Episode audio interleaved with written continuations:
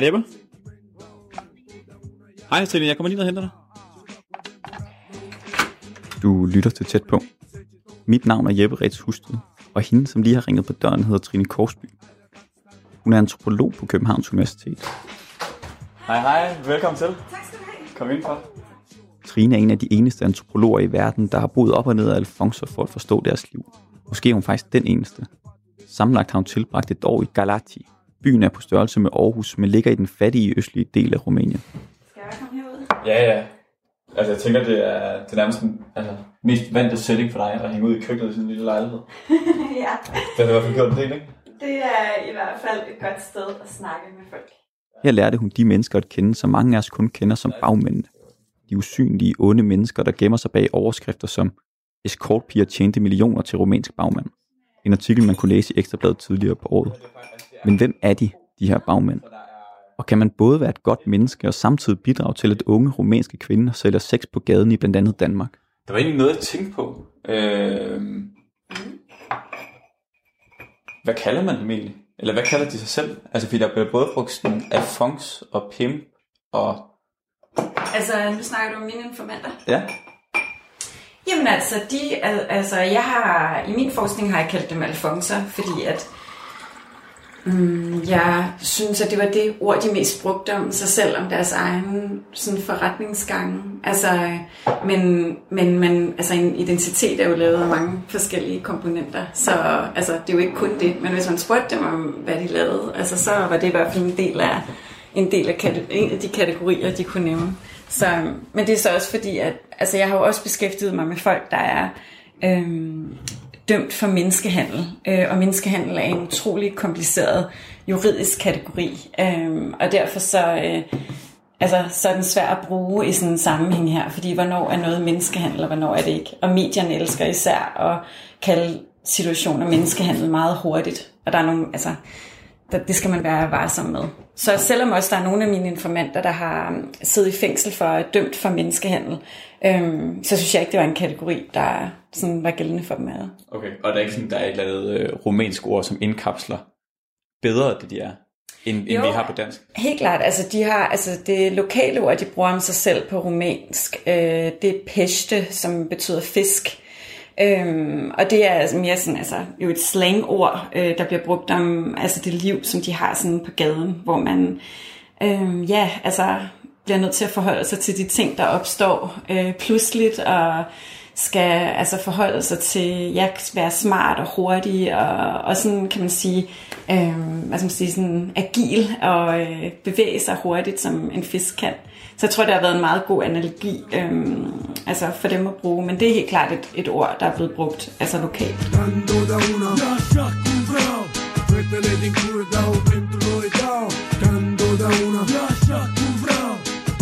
Rumænien er et meget, meget spændende og meget smukt land. Øhm, og jeg var så glad for at bo der. Og det var, ja, det var utrolig spændende. Øhm, altså historisk er det jo også bare et virkelig spændende land, men der er også ufattelig smukt. Jeg tror ikke, jeg var forberedt på, hvor smukt der var, men det var der virkelig, og det er der stadigvæk. Så øhm, selvfølgelig er den, altså, den by, jeg boede i, og den region, jeg boede i, er ikke lige sådan øh, turistmekka.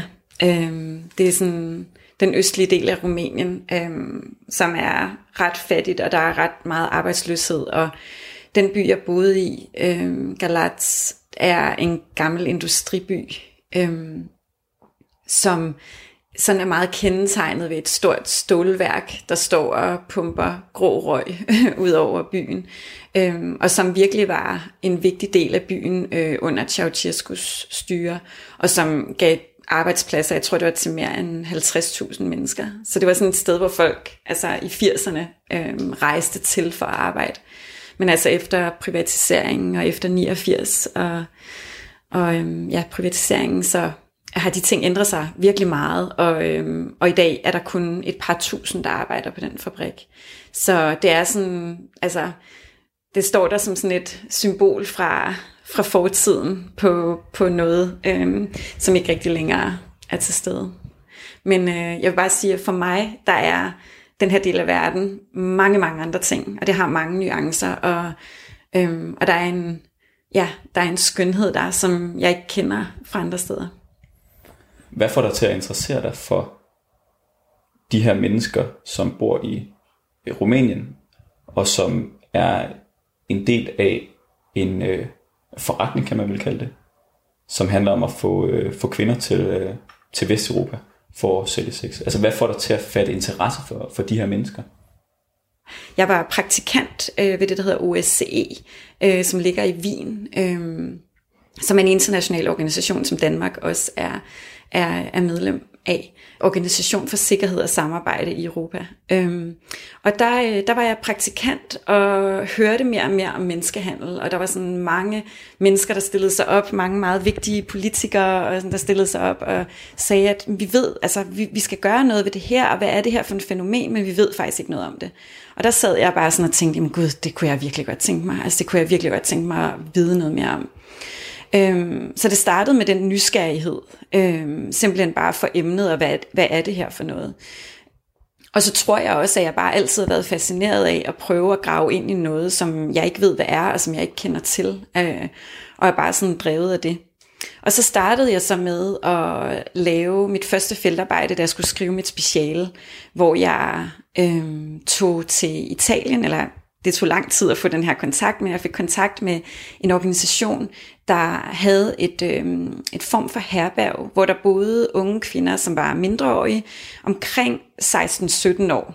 Øh, og de øh, boede på det der herberg, fordi at de var blevet vurderet af den øh, italienske stat som at være ofre for menneskehandel. Og de vidnede så i nogle retssager mod deres bagmænd. Øh, og øh, så boede de på det der øh, det herberg, som lå på et, en hemmelig adresse. Og der fik jeg så lov til at lave feltarbejde, og var der og fulgte de der unge kvinder i, øh, i omkring øh, 9 måneder, i 10 måneder. Og, øhm, og det var sådan, altså, det, var sådan det, det begyndte at udfolde sig for mig, og min interesse ind i det her, de her emner, og også at begynde at se, at altså, de her kategorier, som for eksempel menneskehandel, er super kompliceret, og øhm, folk smider lidt om dem om sig med dem, øhm, og, øhm, og det skal man være lidt påpasselig med. Altså det her miljø er jo noget, som mange har en instinktiv holdning af, at, at det, er noget, det er noget skidt, øh, at der er mange dårlige mennesker. Hvilke tanker gjorde du der om det? Jeg tror for mig har det været øh, det vigtigste at gå ind i hvilket som helst felt, jeg ville beskæftige mig med, uden en løftet pegefinger. Altså jeg er der ikke for at prædike eller for at selv lave min moralske vurdering af, hvad det er, øh, altså hvad det er, jeg synes, hvordan jeg synes, man skal leve sit liv. Jeg synes, at øh, hvis man vælger at banke på folks dør, og de så faktisk lukker en ind og siger, at man godt må komme ind og lære at forstå om deres liv, øh, det har jeg øh, valgt at sige, at det er noget, jeg vil respektere 100%. Øh, så, så det der med om øh, at lave sådan min egen moralske vurdering, inden jeg overhovedet var taget af sted, eller inden jeg overhovedet bevægede mig ind i felten, det har jeg faktisk afholdt mig ret meget fra. Og jeg synes heller ikke, det er så interessant faktisk, om altså hvad det er, jeg synes om det ene eller det andet på sådan en personlig plan. Det jeg synes er interessant, det er, at vi som antropologer har muligheder for at komme ind i nogle miljøer, som er ekstremt svært tilgængelige. Altså det er svært at komme ind i de her miljøer, og det der og det er en viden, som kan være til gavn for rigtig, rigtig mange andre. Både af sådan interesse, folk kan læse vores forskningsartikler, men der kan også være myndigheder eller NGO'er eller andre, som bare kan få virkelig stor glæde af at få indblik i de her miljøer, som de fleste mennesker, som du også selv siger, har virkelig mange sådan stereotype forestillinger om, men faktisk ikke ved særlig meget om, når det kommer til stykket. Så det der med at kunne åbne det op, altså det synes jeg er en kæmpe gave, hvor jeg synes, at antropologien har en, en stor styrke. Nu siger du, at, at, øh, at dine personlige refleksioner ikke er så, så interessante mm. i forhold til alle mulige andre ting. Jeg synes jo også, at dine personlige refleksioner er interessante, for jeg synes, det er en vigtig del af historien også. Hvad for nogle tanker man gør sig, inden man bliver bekendt med, øh, med de her mennesker. Mm. Altså jeg tænker, du må alligevel have gjort dig nogle forestillinger om, altså hvad er det for nogle typer mennesker det her? Altså hvem er det, der står bag? Jamen, jeg vidste det jo virkelig ikke. Altså, øh, jeg anede det jo ikke, og øhm, altså, jeg startede jo med at lave det her feltarbejde blandt de her unge kvinder, som havde været sexarbejdere, øh, primært i Italien. Og jeg var dybt fascineret af, det, af, af deres liv, og jeg synes, at altså, nogle af dem havde haft et ufatteligt hårdt liv. Øhm, på det tidspunkt, så var jeg jo meget interesseret i, i den del af det. Sådan, hvordan oplever de her kvinder øh, hele den her problematik? Og så efterfølgende, så arbejdede jeg nogle år i det, der hedder Center mod Menneskehandel, og, øh, og lavede nogle forskellige undersøgelser der og så videre. Øhm, blandt andet om øh, menneskehandel til andre former for øh, arbejde end sexarbejde. Øhm, og så begyndte jeg at tænke, hvor kunne det være fedt at lave en PhD om det her, altså gå dybere ind i det. Og der tænkte jeg meget over, hvad er det, vi ikke ved noget om? Altså, hvad er det lige præcis, det som, som du nævner, hvor at vi alle sammen sidder og har en masse stereotype forestillinger i hovedet om, hvordan tingene er, men hvor vi virkelig ikke ved noget. Og, øhm, og der tænkte jeg jo bare, det er jo, altså det er jo dem, vi kalder bagmændene. Ikke? Altså det er jo alfonserne, det er jo fixerne, som man også kan kalde det. Dem, der arrangerer rejsen. Øhm, det er jo dem, vi ikke rigtig ved noget om. Men selvfølgelig er det jo ikke noget med, jeg havde jo også, altså, hvad ved jeg, altså, jeg, jeg havde jo også læst alle de avisoverskrifter, og selvfølgelig prøvet at læse alle de ting, jeg kunne, også sådan på videnskabeligt plan, øhm, om de her miljøer. Men det er jo altid noget andet, når man først står der.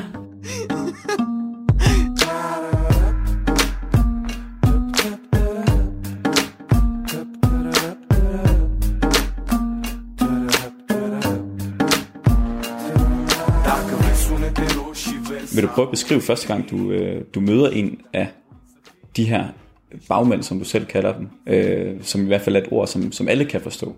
Øh, vil du prøve at beskrive første gang, du møder en af, af de her mennesker? I min forskning har jeg ikke fundet, at der sidder en eller anden stor øh, bagmand bag ved det hele, og sådan styrer, styrer trådene øh, og sidder på en stor bunke penge. Men det er nemlig det, som der tit er forestillingen. Og det, der var interessant, det var, at på en eller anden måde blev jeg lidt konfronteret med det første gang, jeg skulle møde, øh, møde en af de her øh, personer, som blev mine informanter i min forskning.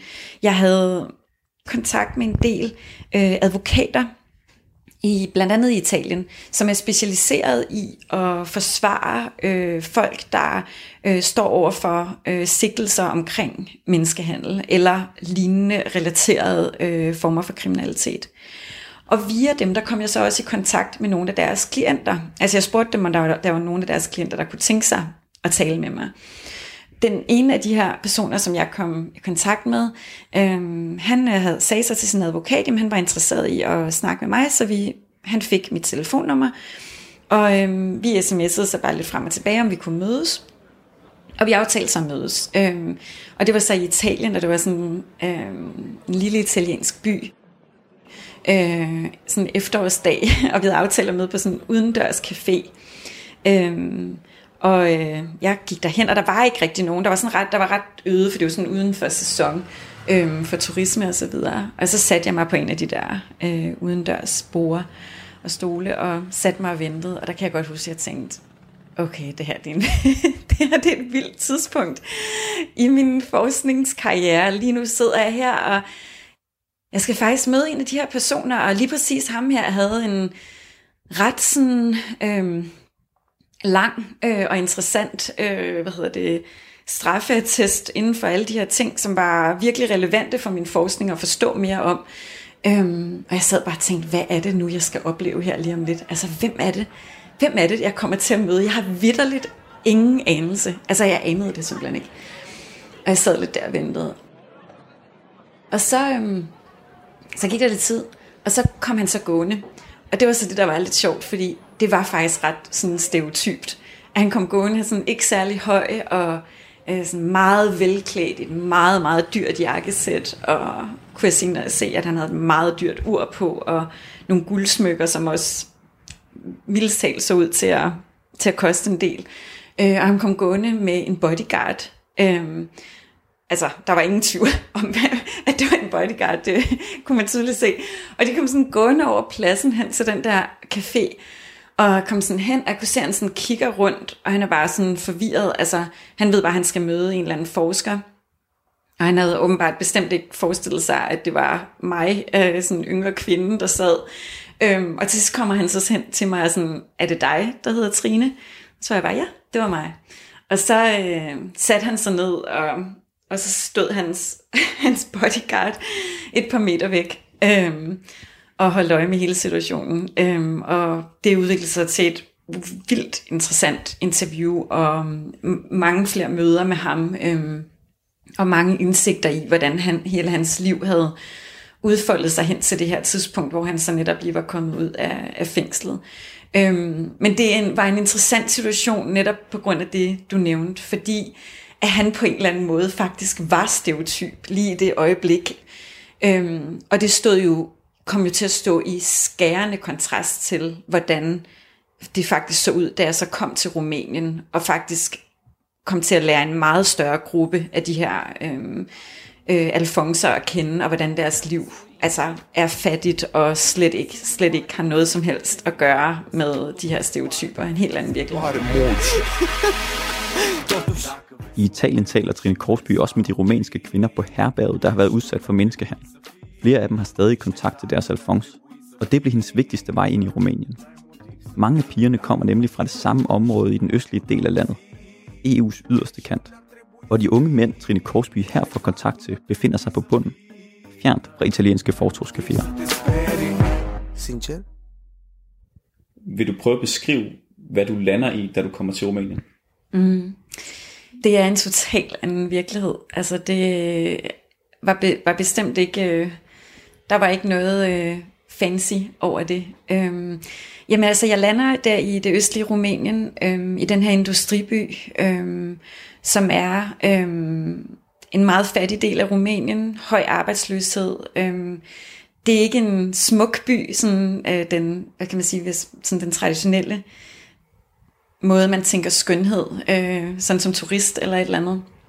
Den har det der, ja, sådan industrielle forfald, det der postsocialist, den der postsocialistiske forfaldende æstetik med øh, lange, grå boligblokke øh, og øh, det her stålværk, som ligesom står op på toppen af en bakke og puster øh, røg ud over, ud over byen. Og jeg øh, flyttede så ind i et øh, arbejderklasse kvarter, og flyttede ind i en lille, øh, lille og meget fin, øh, men altså meget simpel øh, lejlighed i det kvarter, fordi det var det kvarter, hvor rigtig mange af øh, mine informanter, som vi jo kalder dem, det er simpelthen bare sådan antropologisprog for dem, vi interviewer og dem, vi følger over, over lang tid. Det er de mennesker, der giver os alt input til alt det, vi, alt det, vi prøver at, at skrive om. Øhm, og øh, ja, de boede alle sammen i det område, og så flyttede jeg ind der. Nu fortalte du om øh, turen på Fortogscafé i Italien. Mm. Og du sagde, at der var stor kontrast til det, du mødte i Rumænien, og også de øh, personer, du hang ud med i Rumænien, Ja. da du kom derned. Hvem, hvem er de? Man kan sige, at mine sådan, hovedinformanter er jo de her, øh, den her gruppe af um, unge mænd, som ernærer sig med ved at arbejde som alfonser, altså tage til udlandet øhm, og tjene penge sammen med kvinder, som så sælger sex. Og, øhm, og forhåbentlig det, som de håber, er at vinde det store jackpot, ikke? altså lave et eller andet setup, som virkelig, virkelig vil bringe mange penge hjem. Øhm, og det bruger de meget tid på at tænke over og diskutere og ja, sidde i ja, køkkener som det her og sidde og ryge smøger og diskutere, hvad der ville være den bedste løsning. Og der huserer jo selvfølgelig masser af historier om dem, der virkelig har klaret den. Altså dem der, der virkelig har tjent mange penge og bare nu lever helt vildt fedt og bare har den flotteste kæreste og den lækreste bil og sådan noget. Men det er bare meget, meget sjældent, at det faktisk reelt sker. Øhm, mange af, af dem altså bor hjemme hos deres forældre og sådan noget, fordi de har svært ved, altså de har simpelthen ikke penge. Øh, et meget godt eksempel på, hvordan de håber, at den store jackpot vil, vil tilfalde lige dem, og hvordan den virkelighed så ser helt anderledes ud. Det er en af mine informanter for eksempel, der har øhm, altså, lavet en masse forskellig øh, kriminalitet i Tyskland. Øhm, og han, altså, han klarede egentlig nogle af de ting øh, ret godt, kan man sige, fra hans synspunkt, og tjene faktisk øh, nogle penge, hvilket gør ham i stand til at købe det ultimative statussymbol, en helt vildt fed bil, en Mercedes. Øhm, og han havde så den her Mercedes. Problemet var bare, at under hele mit feltarbejde stod den her Mercedes bare parkeret på en parkeringsplads i det her øh, nedslidte arbejderkvarter Øhm, i den her rumænske by, fordi han simpelthen ikke havde penge til benzin. Så den fungerede jo stadigvæk, den her bil, som den havde en funktion. Altså, jeg har stået mange gange sammen med nogle af de her fyre og hængt ud ved den her bil, fordi den var altså, et godt sted. De kunne også, altså, der kunne man stå og høre musik og tjekke piger ud og snakke.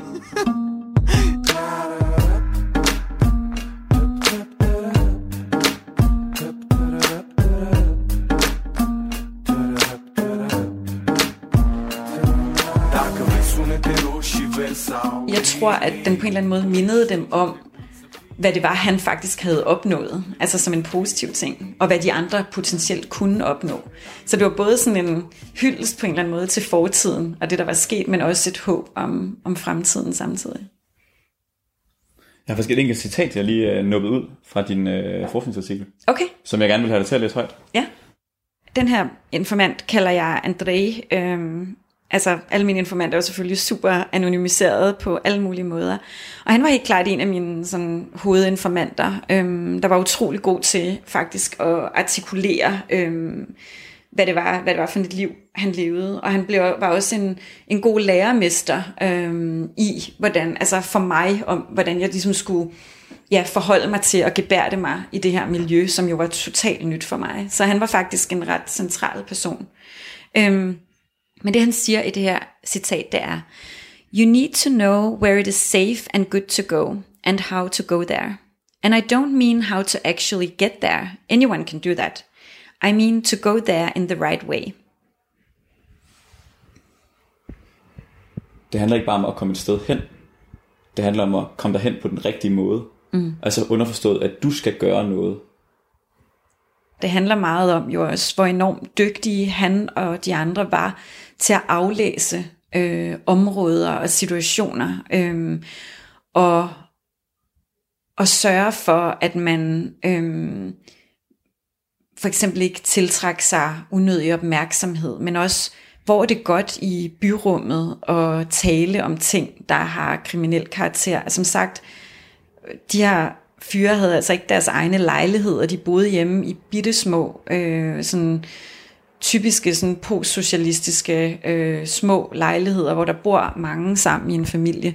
Så hvordan gør man det, og hvordan finder man de rigtige opgange og stå i at diskutere de her ting? Og på den måde var deres kæmpe kendskab til lige præcis det her kvarter øh, af byen, og til hele byen, jo virkelig, virkelig vigtig. Og det er selvfølgelig også noget af det, som han prøvede at beskrive til mig, og også prøvede at råde mig til, for, for at jeg ikke, altså for at jeg ikke dummede mig helt vildt. Ikke? Øhm, det gjorde jeg selvfølgelig virkelig mange gange alligevel. Altså det gør man jo som antropolog, og det er også der, hvor man tit altså, får noget, noget god data, fordi at man begår en eller, anden, en eller anden dum fejl, og så er der nogen, der bliver nødt til at rette en. Ikke? Og hvad, hvad kunne det være? det kan jo være nogle fuldstændig hverdagsting. Øhm, men en af de ting, som jeg tror er et, godt, altså et eksempel på det, du spørger om, det var omkring, øhm, hvordan man for eksempel bare går ned ad gaden. Øhm, og der, der var de ret meget efter mig, øhm, fordi at jeg, altså, jeg havde simpelthen, altså, der, der sagde de, at jeg havde simpelthen for åbent et ansigt. Altså, jeg skulle, jeg var sådan for åben, når jeg bare sådan gik ned ad gaden og sådan smilede til folk. Øhm, og det, det, det skulle jeg altså sådan lige, måske bare lige pakke sådan en lille smule væk. Øhm, det er sådan et af de eksempler på, hvordan jeg, altså, jeg bare gjorde, som jeg plejede med at gå ned ad gaden. Og der, altså, der sagde, øh, sagde de bare til mig, at det, det, det var bare sådan, det tiltræk en, en forkert opmærksomhed, som ikke, var, som ikke var nødvendig for mig, eller var god for mig. Dacă Trine Korsby er antropolog på Københavns Universitet. I over et år boede hun op og ned af en række unge mænd i Rumænien. Unge mænd, der blandt andet ernærer sig som alfonser. De sørger for at sende rumænske kvinder til Vesteuropa for at tælle sex. Og ofte er det faktisk et fælles projekt.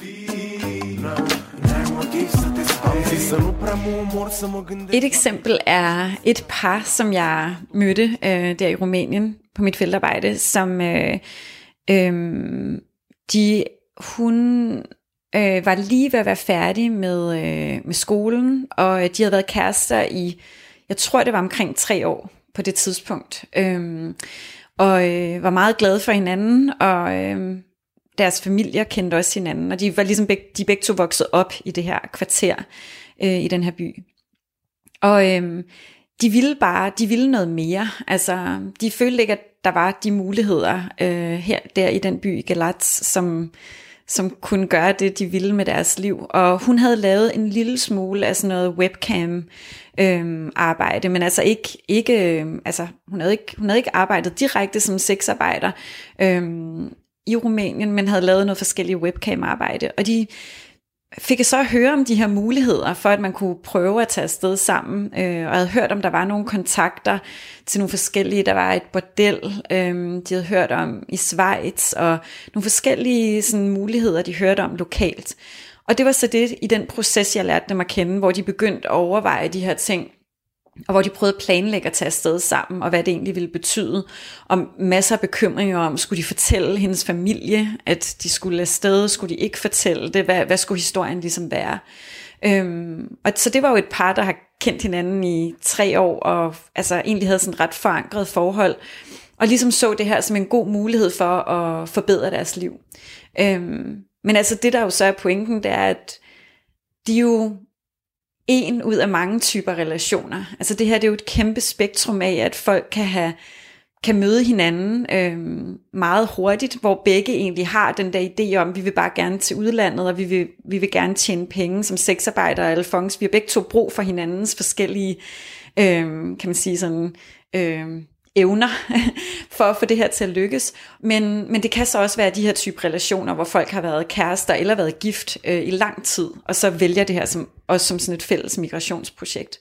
Og jeg tror, det er enormt vigtigt, at man ser, øh, at det er et kæmpestort spektrum øh, inden for sexarbejde og alfonseri, og at de her relationer kan opstå på en lang række forskellige måder.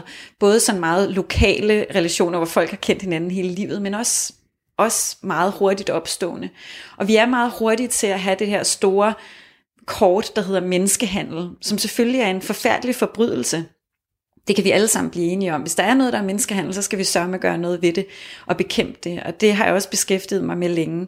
Øhm, og men man skal også bare passe på, at vi ikke kalder situationer, der ikke er menneskehandel, for menneskehandel. Bare fordi det er et ord, der, der ligesom klinger og som tager opmærksomhed. Øhm, fordi det hjælper altså heller ikke de mennesker, der faktisk er i en menneskehandelssituation, og som faktisk har brug for hjælp. Så får man jo udvandet begrebet fuldstændig. Og det, det, det tror jeg virkelig er dårligt, og det er der mange andre forskere, der er enige i. Men det, der jo også er interessant at sige, det er, at ja, vi bliver jo stadigvæk nødt til at tale om menneskehandel, når jeg sidder og taler med dig her, fordi menneskehandel figurerer jo i min forskning, og det figurerer i min informanters liv. Det figurerer på den måde, at der er nogle af mine informanter, der faktisk har været dømt for menneskehandel. Og der er der, altså, det kan jeg jo ikke vurdere, jeg kender ikke de sager, om det er, har været menneskehandel eller ej, men altså, de har jo været involveret i menneskehandelssager, men også fordi, at Altså, altså, men, altså menneskehandel som emne er jo noget, de alle sammen læser om, og de har alle sammen set de der film, altså Lilja Forever og alle de der film, som har, er sådan ikoniske øh, om de her emner. Så menneskehandel figurerer også i deres liv som en ele- et element. Så jeg kan godt tænke mig at spørge dig, de her to, som du beskriver her, ja. altså det her kærestepar, som har været sammen i, i tre år, og nu arbejder øh, i fællesskab på at komme til, til Schweiz. Så, ja. ja øhm, når de snakker om det her som en mulighed, og når de planlægger sådan en tur, hvordan taler de om det her? Der var helt klart godt en, en viden om, at det ikke bare var hvad som helst, og at det er et, kræv, et krævende, en, en krævende situation øh, for de kvinder at være i, og det er, var helt klart også noget af det, som de diskuterede frem og tilbage, at de simpelthen ikke vidste, hvordan det ville blive, og hvordan det ville påvirke deres forhold, øh, hvis de tog afsted. Øh, og, og der tror jeg bare, der var enormt mange spørgsmålstegn, altså også for hele den følelsesmæssige komponent lige i deres situation, øh, hvordan de ville håndtere det. Og der var der, de prøvede selvfølgelig at få viden fra andre, der havde været afsted, øh, og også havde været i nogle, altså lignende, altså på nogle bordeller i nærheden eller noget i, øh, i Schweiz eller i andre, i andre lande, øh, og prøvede at få information den vej. Men det hele var jo selvfølgelig baseret på, at de kunne ikke rigtig forestille sig, hvordan det egentlig ville blive og det, som jeg er lidt nysgerrig på, det er også, hvordan de her mænd og kvinder, som er med til at, at, at, at hjælpe, eller facilitere, eller hvad for en ord man nu vil bruge, hvordan de indbyrdes taler om det her. Mm. Jamen, øhm, de taler jo om det på en pragmatisk måde, fordi at det handler, altså de her ting handler om at få, om at lykkes, altså om at opnå det store jackpot, så de taler om det med meget håb. Øhm, og de prøver at give hinanden, altså alle sammen, at give hinanden gode fif til, hvor det er godt at tage hen, og hvad der kunne være godt at gøre, og så videre, og så videre. Så øhm, de taler om det på den måde, men det her, det er jo komplekst, fordi at der er jo mange moralske vurderinger af det, de gør. Øhm, og det er der jo også i deres familier og i lokalområdet. Og der var også mange forskellige eksempler på i de forskellige familier, jeg var, hvor nogle familier, der var det her helt åbent, at man godt vidste, at broren eller faren, eller hvem det nu var, var engageret i at forbinde sig med øh, nogle sexarbejdere og, og tage til udlandet sammen med dem, og hele den, altså den del af deres indkomst osv. Øhm, men der var også familier, hvor at der, man måske godt vidste, men hvor det ikke blev talt om. Øhm, og der er der i hvert fald nogle af de familier, som har været ret religiøse. Altså det er jo også, altså Rumænien er jo altså ortodox, og der er en del af mine informanter, der, der er ret religiøse. Så der er også alle de der lag, som jo også betyder noget for, hvordan man taler om, øhm, om det, man laver. Altså, og, og, og hvem man overhovedet taler med det om. Kan man tale om det åbent hjemme med sin familie? I nogle familier, der var det helt normalt, når der var alle mulige forretningsforhandlinger, og der var andre alfonser eller andre ja, til stede. Øhm, så var ham, jeg tænker på nu, hans kone var der, og altså, hun var sådan helt involveret i det der, øh, hvor det kunne bare ikke, det var utænkeligt i andre familier. Hvis vi snakker om de generaliseringer, som vi måske har med at sætte, sætte på det her område, mm. når vi øh, kigger på det øh, fra Danmark, så er der også et nogle kønsroller i spil. Hvordan var din oplevelse, at de så på de her kvinder? Det var jo igen altså super forskelligt. Øhm, og jeg tror, at jeg tror, det jeg har set mest, altså som tit er sket, og det er jo også derfor, at det nogle gange går galt, det er jo, at nogle gange er de her forhold faktisk meget forankret og baseret på, øhm, på længere kærlighedsforhold. Men så kommer de til udlandet, og så ser virkeligheden pludselig fuldstændig anderledes ud. Altså jeg tror også, det er det, man skal forstå, at der sker også et brud der, øhm, hvor lige pludselig står man i ja, Italien eller et eller andet, og de kan måske ikke tale sproget, øhm, de kender ikke gadeøkonomien der, der er nogle helt andre udfordringer. Og der er det også der, at det nogle gange går galt, og for eksempel eskalerer ind i vold. Øhm, og, øh, og derfor så er det også, altså, jeg tror bare, det er vigtigt at sige, at at det er jo også det, der nogle gange sker, altså at, at man kan have et fælles migrationsprojekt, og man kan ønske sig at have alle mulige drømme, men nogle gange i nogle tilfælde, så er det også bare gået galt. Og så er det gået rigtig galt med dem. Og der er også nogle tilfælde, hvor at det er endt i, i vold og andre virkelig grænseoverskridende og forkerte ting. Øhm, og så er der nogle tilfælde, hvor det ikke er sket. Men, men der sker jo også, altså, så, så det med, hvordan deres relation er indbyrdes som mand og kvinde i de der forskellige relationer, ændrer sig også meget i løbet af rejsen. Øhm, og det er meget tit, at når de så er kommet til udlandet, at det så faktisk ikke lykkes for dem, og, og det, det er ikke altså det er en fiasko, og de så bryder med hinanden, og, og der er der så ofte ikke særlig mange andre muligheder for de her unge mænd, end at tage tilbage til det samme område i Rumænien og prøve, om de kan skabe nye relationer med, med andre kvinder og prøve igen, eller prøve noget andet. Og de er jo enormt sådan, på den måde er de jo meget entreprenante, kan man kalde det, fordi at de prøver inden for alle mulige forskellige områder, om de kan lykkes. Altså, de prøver også legalt arbejde, de prøver også helt almindeligt sådan byggearbejde, nogle af dem laver sådan noget telemarketing. Altså, det er alle mulige helt almindelige ting, som de så bare prøver at kan lykkes med som en indkomst. Du siger, at de skifter ind og ud mellem øh, illegalt og legalt arbejde, mm. og det her med øh, at få piger til, til Vesteuropa, det er måske kun en øh, af mange også illegale aktiviteter, som, øh, som de enten er beskæftiget i, eller kunne være beskæftiget i. Hvordan taler de selv om deres profession? Altså der tænker du på, på den del, af, som har at gøre med alfonseri og sexarbejde.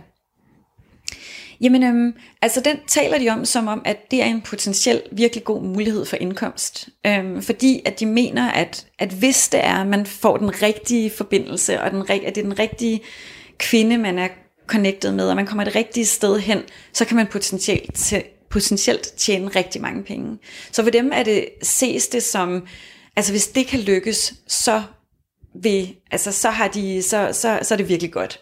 Øhm, hvorimod at de ikke oplever, at de egentlig får så meget ind igen øh, ved nogle af de her for eksempel ja, tyverier og, og scams og sådan noget.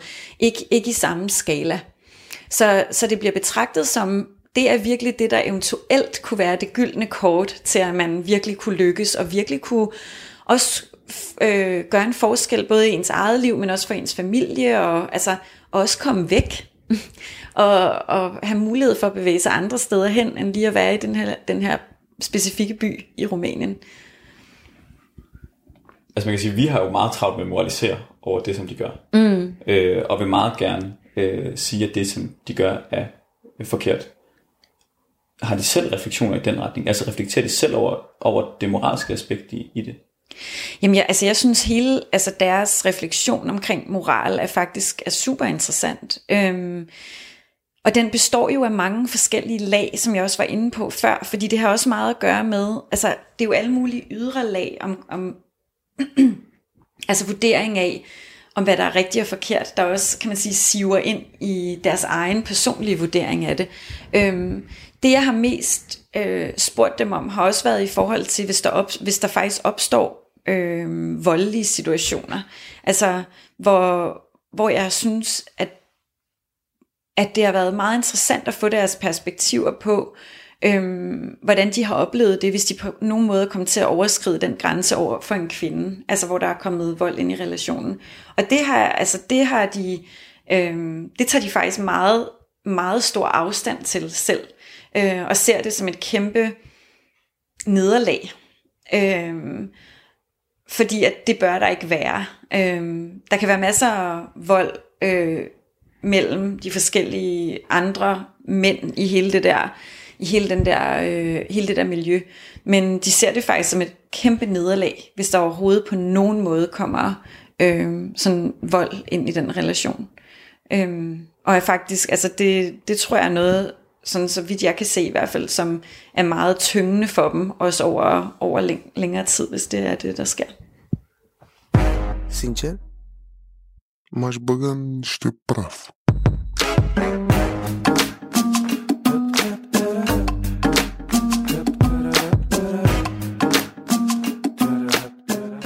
Jeg startede jo med at beskæftige mig med, med, man sige, med, med kvindernes side af sagen. Og der er det jo meget ofte meget nemt for folk at bare fatte sympati og være det må også virkelig være altså barst at være sexarbejder eller være offer for menneskehandel, og så er det jo, har de jo bare sympati. Men det er jo nogle helt andre reaktioner selvfølgelig, man får, når man sidder til en middag eller et eller andet og fortæller om, hvad det er, man forsker i. Øhm, når man faktisk ser på den side af sagen, som mange folk kategoriserer som ja, de onde eller the bad guys. Øhm, men jeg, jeg oplever, at øh, der er stor, altså folk bliver jo nysgerrige, øhm, og vil gerne høre, hvordan det overhovedet har kunne lade sig gøre øhm, det er jo også, kan man sige, det er jo, altså, du er selv inde på det, det er jo, da vi starter interviewet, altså også at sige, at så sidder jeg her, og jeg har lyst hår og neglelak på og sådan noget. Øhm, og det er jo bare, altså hvad det er, folk har for nogle forestillinger om, hvad det egentlig er, det indebærer at lave sådan en type feltarbejde, og hvad det er, hvad det, er, det kræver. Øhm, så jeg oplever egentlig bare meget stor nysgerrighed, men det er jo også selvfølgelig et emne, som er så moralsk lavet, at alle, de fleste mennesker, jeg snakker med om det her, øh, har jo deres egen personlige holdning til det, øh, om, som handler om sexarbejde, eller handler om ja, kroppen, eller forholdet mellem mænd og, mænd og kvinder. Øh, det kan også handle om nyere EU-lande, som Rumænien jo er. Altså folk har jo mange holdninger til det. Og så dem hører man selvfølgelig også.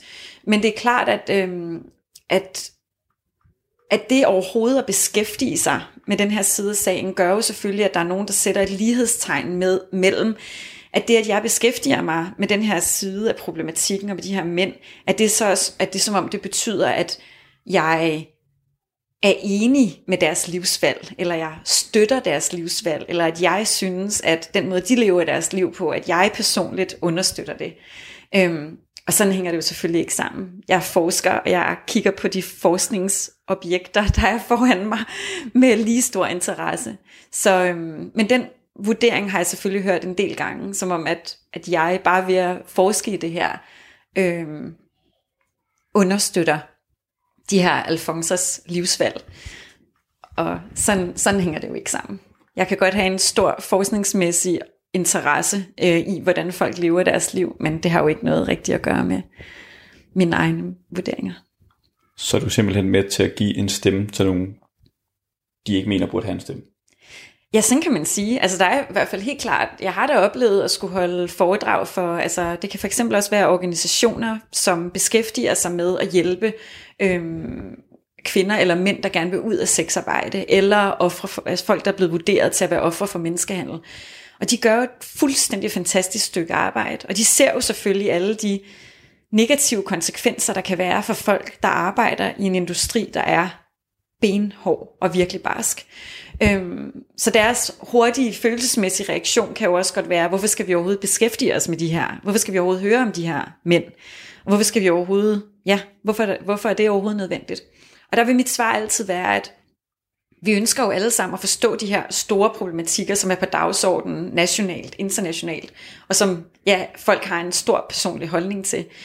Men vi kan ikke kun se på det fra en side, fra en vinkel. Og nu når vi har muligheden, og det har jeg så skabt her, muligheden for at se det fra en anden vinkel, så skal vi tage den mulighed.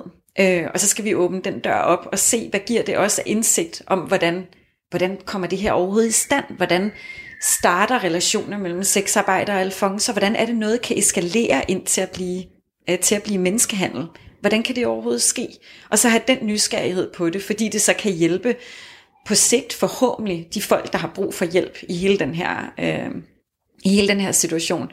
Men også huske, at der har jo også, altså det er jo også den der tendens til, at altså, sexarbejdere tager jo meget ofte et valg om, at de gerne vil, eller at de forskellige andre grunde vil være i sexarbejde. Og det, det skal man også respektere. Øhm, og, øhm, og den moralske vurdering kan også nogle gange komme til at stå i vejen for, at man kan, så kan få lavet noget dybdegående forskning, øhm, som faktisk kan vise den her situation i dybden på nogle andre måder. Du er en kvinde, som bevæger dig ind i et, et mandsdomineret øh, domæne i et helt andet land. Hvad betyder det? Mm. Jamen altså, jeg har opfattet det som en kæmpe styrke for mig at være kvinde i det her miljø, fordi jeg tror, jeg har været meget, jeg har været det modsatte af troende øh, i mange situationer, så jeg tror, det har gjort det nemmere for mange af de her, øh, af mine informanter, mange af de her unge mænd at, at stole på mig og få en eller anden form for relation til mig. Og det var jo interessant at se, altså da jeg begyndte at lære dem at kende, det vidste jeg jo heller ikke helt, hvordan det ville udforme sig, men da jeg begyndte at lære dem at kende, altså, så endte det jo også med, at de kom hjem i mit hjem, og jeg sad i mit køkken, ligesom vi sidder her nu i dit køkken, øh, og sad der og drak kaffe og røg smøger i timevis, og snakkede som vandfald.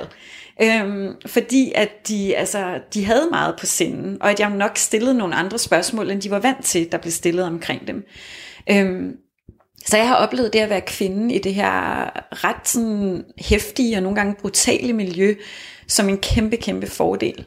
Men man skal selvfølgelig heller ikke, altså det er svært at lave feltarbejde i et øh, kriminelt og voldeligt miljø. Og det at se vold og se våben og være i et miljø, hvor sådan nogle ting foregår, har jeg da synes været, været virkelig voldsomt for mig selv, også personligt.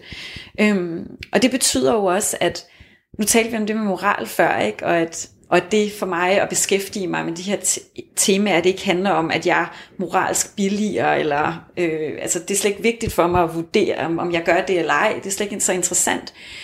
Men der er jo masser af små situationer, når man laver feltarbejde i et år i et kriminelt miljø, hvor man bliver konfronteret med det der dagligt, hvor der er alle mulige ting, der foregår øh, lige foran en. Det kan nemlig være voldelige situationer eller andre ting, der er grænseoverskridende, hvor man jo ikke har tid til at nå at sidde og tænke igennem, sådan, om, hvad, hvad er min holdning nu til, til det og det, men hvor du bare reagerer instinktivt, og for eksempel bare siger, nej, stop, stop det der. Og det har jeg prøvet nogle gange, hvor at jeg har oplevet noget, der ikke har været, altså måske ikke direkte vold, men der har været optræk til noget. Øhm, og, øh, og, og det er jo de situationer, hvor, så kan man sige, det er ens eget moralske kompas, eller ens egen sådan, indstilling til nogle ting, der lige sådan virkelig, virkelig kommer på banen. Øhm, helt instinktivt. Og der har jeg fået at vide et par gange, det har været forskelligt i de forskellige situationer, men der har jeg fået at vide et par gange, du skal lige tænke, du skal lige tænke over, hvem det er, du taler til lige nu. Øhm, betydende, altså, du skal ikke komme her og, du skal ikke komme her og fortælle os, hvordan vi skal leve vores liv. Og hvor man også mærker den der snært af, at de her mennesker har åbnet døren fuldstændig til mig, for mig ind til en verden, der er så skjult og så svær at komme ind i, og de kunne bare lukke den igen med et knips med fingrene. Ikke? Altså, og, og, øhm, og det har selvfølgelig været nogle ret ubehagelige situationer, men hvor jeg bagefter egentlig også har tænkt, ja, jeg reagerede instinktivt, fordi det ikke er noget, jeg kan billige eller acceptere det der, og det har jeg det faktisk fint med. Altså, på den måde, jeg har, heller aldrig, jeg har ikke været bange for min egen, altså for min egen sikkerhed, eller sådan på den måde. Jeg har altid følt mig, altså det er jo det, der, der lidt er i sådan nogle grupperinger der, ikke? at når du først er inde, så er der jo også nogen, der så bliver, tager de sig jo også af dig. Øhm, og øhm, der har jeg mere været bekymret for, at jeg interviewede folk, der var fra forskellige grupperinger, hvor jeg mere har tænkt på, hmm, er der på et tidspunkt nogen, de forskellige grupperinger, grupperinger, der vil begynde at spørge mig om, hvad de andre siger. Men sådan noget har jeg ikke oplevet, og jeg har faktisk oplevet det som, at de har taget sig utrolig godt af mig, øhm, og at der har været en omsorg. Øh, men det tror jeg også, som sagt, har noget med køn at gøre, at det har været en fordel for mig, at jeg ikke har været troende. En af de ting, som har ligget under alt det, vi har talt om, det er forskellen mellem at jagtage det her område fra Danmark, og så når man kommer derned. Mm. At der er nogle nuancer, som øh, man mister, øh, når, man, når man ser på det herhjemmefra. Øh, vi har det jo med at dele folk op i, i gode mennesker og, og onde mennesker. Og der er nok ikke nogen tvivl om, hvis man ser på det fra Danmark, hvis jeg ser på det, hvem der er de onde mennesker, og hvem der er de gode eller uskyldige mennesker i, øh, i, i det her felt. Hvad ligger du i de her kategorier? Mm. Ja, det er et godt spørgsmål. Altså, igen er det jo fuldstændig rigtigt, at de billeder, vi tit får i hovedet, når vi for eksempel hører ordet menneskehandel, det er lidt det der med, at man forestiller sig en, en stor varevogn, der kommer kørende, og så er der en eller anden, der bliver smidt om bag i, og altså fuldstændig uvidende, og, og, og bliver kørt et eller andet sted hen, og, og bliver udnyttet på, på groveste vis. Og det er frygteligt de sager, hvor det faktisk forekommer. I min forskning har der ikke været sådan nogle eksempler. Øhm, så det er nogle lidt andre billeder at operere med. Øhm, jeg synes, at når man beskæftiger sig med områder, hvor folk er øhm, bliver betragtet på en meget specifik moralsk måde, så lærer man meget hurtigt, at, at der ikke er, altså tingene er ikke så sort-hvide. Øhm, når man, jo mere man forstår om folks bevæggrunde og forstår, hvad det er, de kommer fra, øhm, så ser man, at, at de der kategorier, de er, ikke så, de er ikke så skarpt opdelte, som det er nemt at sidde og gøre dem, når man er meget langt væk, både fysisk øhm, og måske mentalt fra de situationer, de befinder sig i. Øhm, altså man indser, når man øh, er så meget sammen med folk, der øh, lever på den her måde, så ser man jo også bare, som jeg sagde, vi er alle sammen bare mennesker. Øhm, og så er vi mennesker, der tager nogle valg, og vi, der er også nogle mennesker, der tager nogle rigtig dårlige valg, der har virkelig voldsomme konsekvenser for andre. Men, øhm, men det er de der nuancer, som, som jeg synes, det er spændende at få med. Så en Alfons kan godt være et godt menneske? Jamen, jeg synes faktisk ikke, at den vurdering om, hvem der er et godt menneske, altså det, øh, det synes jeg er et ekstremt sådan, øh, individuelt spørgsmål.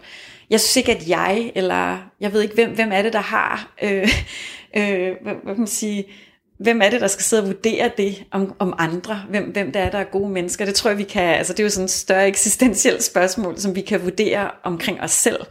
Øhm, om vi selv øh, er gode mennesker. Øhm, så det synes jeg ikke er en vurdering, øh, som jeg umiddelbart kan lave, men jeg kan give et indblik, som forsker i en verden, som er ekstremt skjult, og som er meget, meget svær at komme ind i. Øhm, og om læsere af de artikler, jeg skriver, øh, eller lyttere, der hører det her program, øh, så laver en vurdering, en moralsk vurdering, der går i en eller anden retning. Øh, det er jo meget op til dem. Coimbra.